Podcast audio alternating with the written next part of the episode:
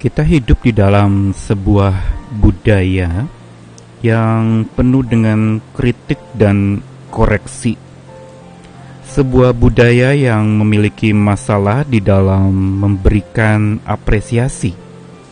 Kita tidak terbiasa atau gagap mengekspresikan apresiasi atau pujian kepada sesama kita. Waktu seseorang melakukan sesuatu yang baik, yang hebat, kita biasanya menanggapi dengan dingin, diam, atau hanya bergumam dalam hati sambil ikut-ikut juga iri hati. Mengapa saya tidak bisa seperti dia? Apresiasi adalah satu bentuk penghargaan terhadap sesuatu, memberi nilai terhadap sesuatu dengan kualitasnya dan apresiasi sesungguhnya adalah bagian dari iman percaya kita kepada Tuhan. Karena Tuhan kita adalah Tuhan yang selalu memberikan apresiasi kepada umatnya. Dia begitu mengasihi dan di dalam kasihnya itu dia sungguh menjadikan ciptaannya dan seluruh manusia begitu berharga di matanya.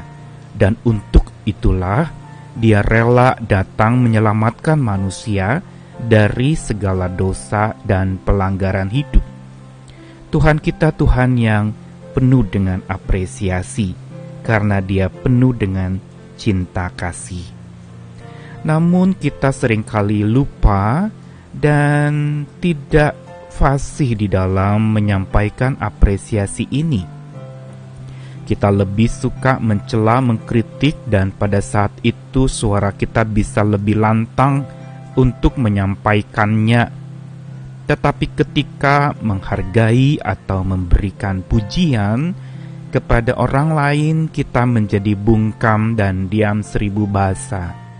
Padahal tidak perlu dengan bicara, dengan tepuk tangan, dengan tepukan pundak, bahkan dengan acungan jempol yang memberi tanda bahwa saya menghargai Kang. Saya Nikolas Kurniawan menemani di dalam Sabda Tuhan yang akan menyapa kita hari ini yang ingin mengajak kita untuk membangun sebuah disiplin mengapresiasi yang sering kali kita gagal melakukannya. Dasar ayat firman Tuhan yang akan kita renungkan adalah dari 2 Samuel pasal yang pertama ayat yang ke-23 sampai 25 ini merupakan ungkapan apresiasi Daud setelah kematian dua orang yang dia kasihi, Saul dan Yonatan. Dari versi Alkitab Firman Allah yang hidup saya akan bacakan ayat 23 sampai 25. Mereka sangat dikasihi orang banyak Sungguh hebat mereka itu. Ya, Saul dan Yonatan keduanya. Mereka selalu bersama pada waktu hidup maupun pada waktu gugur. Mereka lebih gesit daripada burung raja wali dan lebih kuat daripada singa. Tetapi sekarang hai putri-putri Israel ratapilah Saul. Ia telah memperkaya kalian dengan pakaian yang indah-indah dan perhiasan emas Para pahlawanmu yang perkasa itu telah gugur di tengah-tengah medan perang. Yonatan tewas di atas bukit-bukit batu. Lalu bagian kedua masih dari 2 Samuel pasal yang kedua ketika dia memberikan apresiasi kepada orang-orang yang menguburkan Saul. Ayat yang kelima, ia mengirim utusan kepada mereka yaitu orang-orang Yabes Gilead yang telah menguburkan Saul untuk menyampaikan pesannya demikian. Kiranya Tuhan memberkati kalian karena kalian menyatakan setia kepada Raja Saul dan menguburkannya secara layak. Kiranya Tuhan menyatakan kasih dan kesetiaannya sebagai balasan atas perbuatan baik kalian itu. Dan aku juga akan berbuat baik kepada kalian sebagai penghargaan atas perbuatan kalian. Ayat-ayat yang baru saja dibacakan ini merupakan cerminan dari satu sosok di dalam kitab suci yaitu Daud, Raja Israel, yang hatinya disebutkan berkenan kepada Allah. Dan di dalam perkenanannya kepada Allah itu maka praktek-prakteknya nyata di dalam dia memperlakukan orang lain. Ini yang sering kali kita abaikan kita anggap orang yang berkenan kepada Allah itu hidupnya lurus, selalu baik, bahkan tidak pernah berbuat salah. Oke, hal itu bisa jadi iya benar juga. Namun bukan itu saja orang yang hatinya berkenan kepada Allah juga dinyatakan di dalam bagaimana dia bukan saja melakukan firman Tuhan, tapi memperlakukan umat Tuhan dan ciptaan Tuhan yang lain. Ini yang sering kali kita abai melakukannya karena kita menjadi begitu vertikal dalam hubungan kasih mengasihi Tuhan, tapi kita menjadi begitu miskin rapuh di dalam hubungan horizontal kita dengan sesama. Kita sering kali lebih mudah mengkritik dan mengoreksi orang lain daripada memberikan acungan jempol atau tepukan tangan atau tepukan pundak untuk menandakan saya menghargaimu. Kita lupa bahwa semakin kita memberikan apresiasi, kita sesungguhnya sedang membangun relasi yang penuh dengan inspirasi cinta kasih. Ada sebuah pepatah yang mengatakan bahwa apresiasi mendahului bertumbuhnya asosiasi.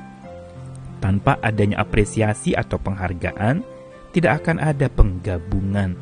Yang ada adalah keterpisahan karena saling celah, saling kritik, saling mengkoreksi, menyalahkan, bahkan membuat orang lain menjadi patah semangat dengan kata-kata kritikan kita.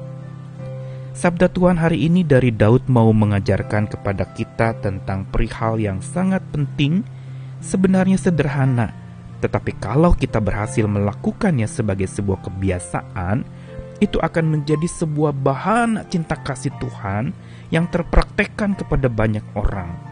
Dengan catatan, kita terbiasa melakukannya. Mengapresiasi orang lain. Daud melakukan apresiasi kepada Saul yang notabene adalah musuhnya yang mengejar dia bahkan ingin membunuh dia.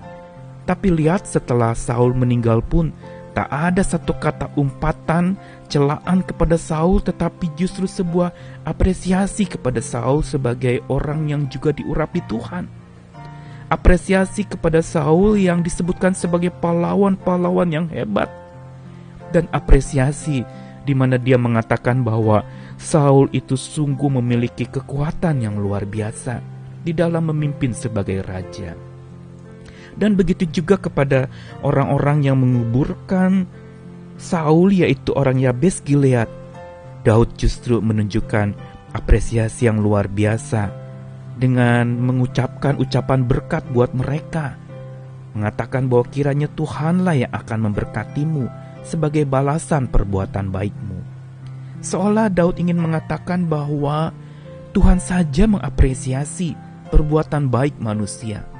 Mengapa kita tidak mengapresiasi perbuatan baik sesama kita.